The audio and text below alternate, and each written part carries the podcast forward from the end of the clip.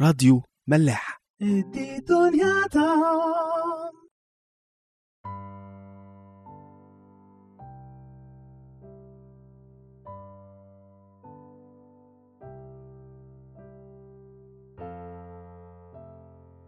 مساء الخير. أهلا بيكم في حلقة جديدة من عيش وملح. النهارده هنكمل مع بعض المزمور 37 مزمور مهم جدا. مزمور داود بيتكلم فيه بخبرة خبرة حياته بيورينا لو انت اخترت تعيش مع ربنا هتكون إيه نهايتك؟ ولو انت اخترت تعيش بعيد عن ربنا هيكون إيه مصيرك؟ المزمور أهميته إنه داود بيحط فيه قوانين بيكتبها نتيجة خبراته نتيجة اللي شافه نتيجة علاقته بربنا فهمه لربنا. والقوانين دي كل إنسان بيحدد بيها مصيره والطريق اللي هيمشي فيه. الحقيقة الجزء اللي باقي من المزمور كله تقريبا بيتكلم بنفس الطريقة مقارنات ما بين طريق الشر وطريق الخير أو طريق الشرير وطريق الصديق. فأنا الحقيقة مش هقرأ معاكم بقية الآيات الكتير اللي لسه باقية من المزمور لكن حابب إن أنا أتكلم معاكم عن آيات قليلة لكن هي فعلا مختلفة وفعلا بتدينا حق جديد وقانون جديد داود بيكتبه لنا في المزمور ده لكن القانون ده عظيم جدا ومريح جدا للإنسان اللي عايز يكمل حياته مع ربنا. بيقول في الآية رقم 23 و 24 من قبل الرب تتثبت خطوات الإنسان وفي طريقه يسر إذا سقط لا ينطرح لأن الرب مسند يده. الحقيقة الآيتين دول شدوني قوي لأنه فيهم حماية كبيرة قوي من ربنا. فيهم اهتمام من ربنا بالإنسان اللي قرر إن هو يمشي معاه.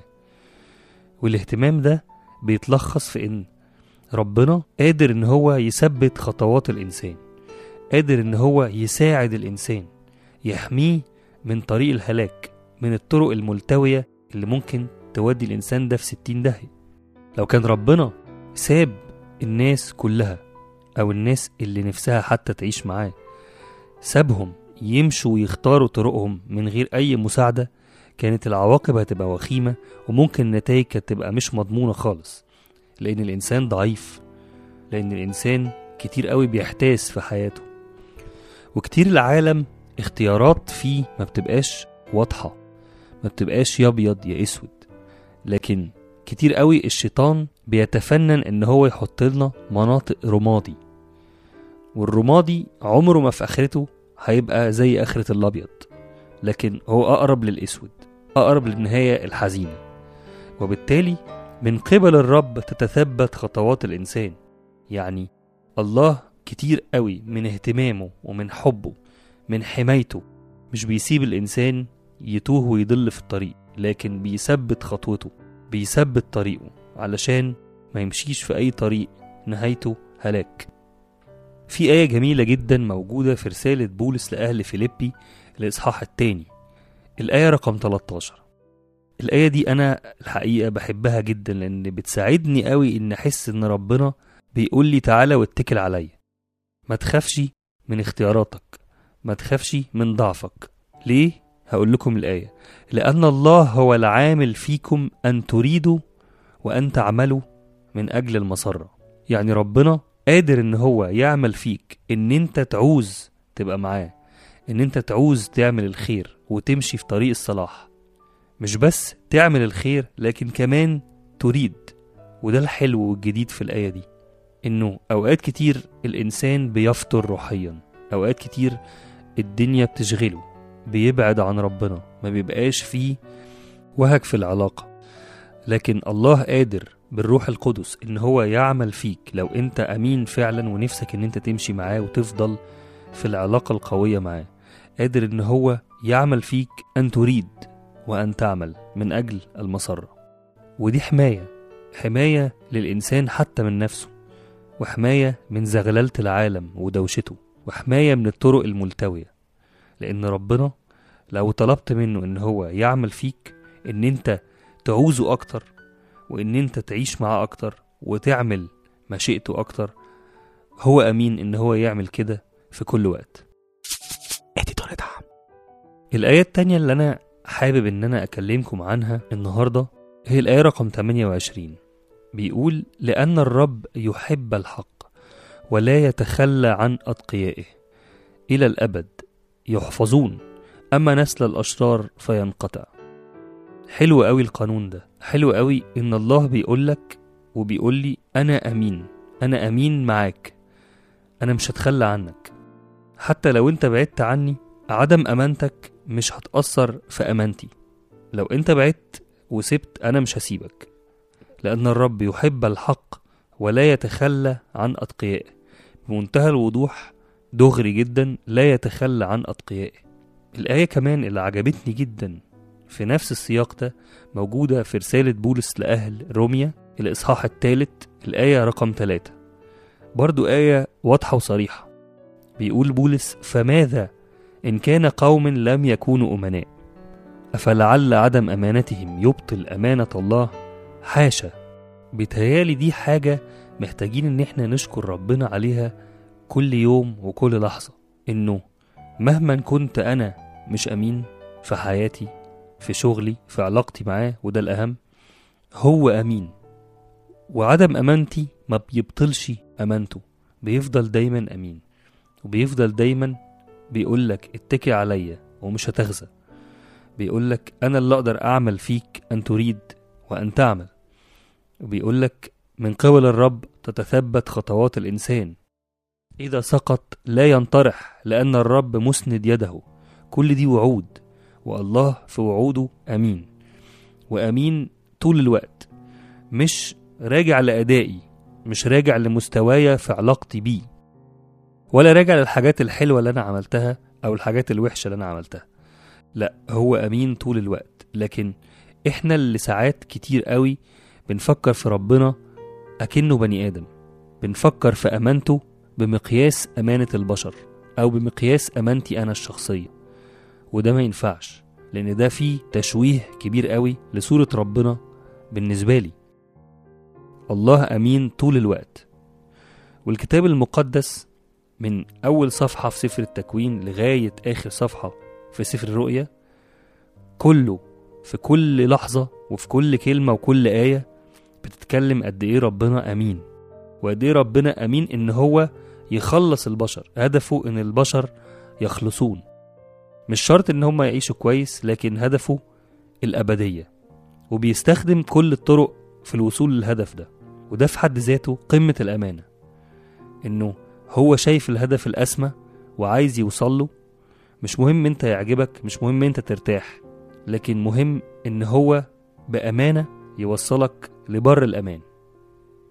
زي ما قلت لكم من شوية محتاجين قوي إن إحنا نشكر ربنا على الآية اللي هقولها لكم تاني.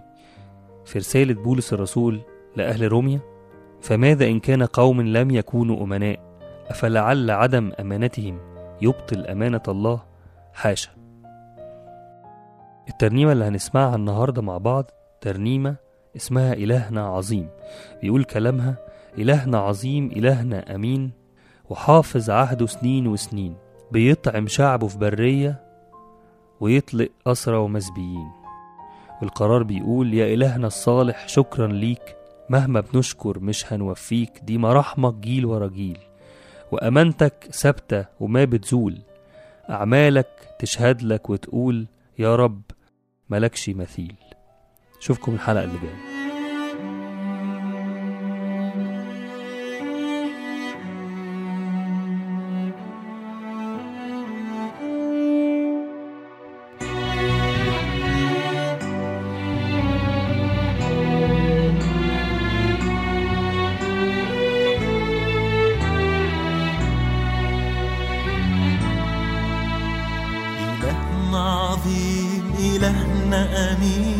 وحافظ عهده سنين وسنين بيطعم شعبه في برية ويطلق أسرى ومسبين. إله دانيال ورب داود بنؤمن إنه مازال موجود. ينجي عبيده حسب وعده من سيف جولياط وجب مقصود يا إلهنا الصالح شكرا ليك مهما بنشكر مش هنوفي بما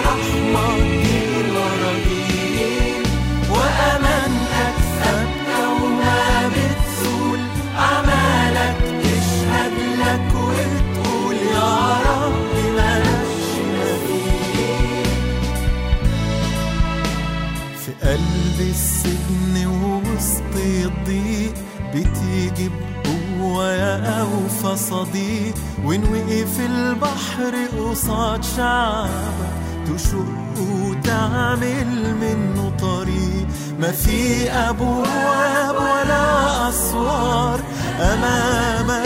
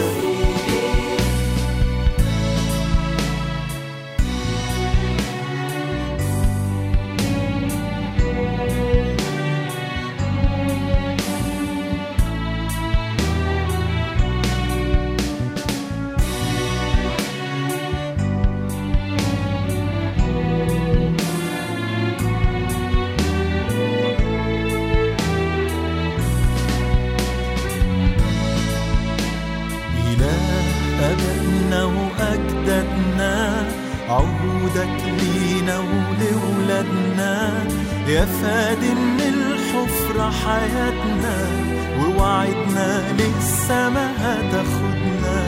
بنعلن إن إيماننا فيك وإن يوم أنكرنا وصاحب ليك بنظرة حب تدوبنا ونرجع تاني بتوبة إليك. يا إلهنا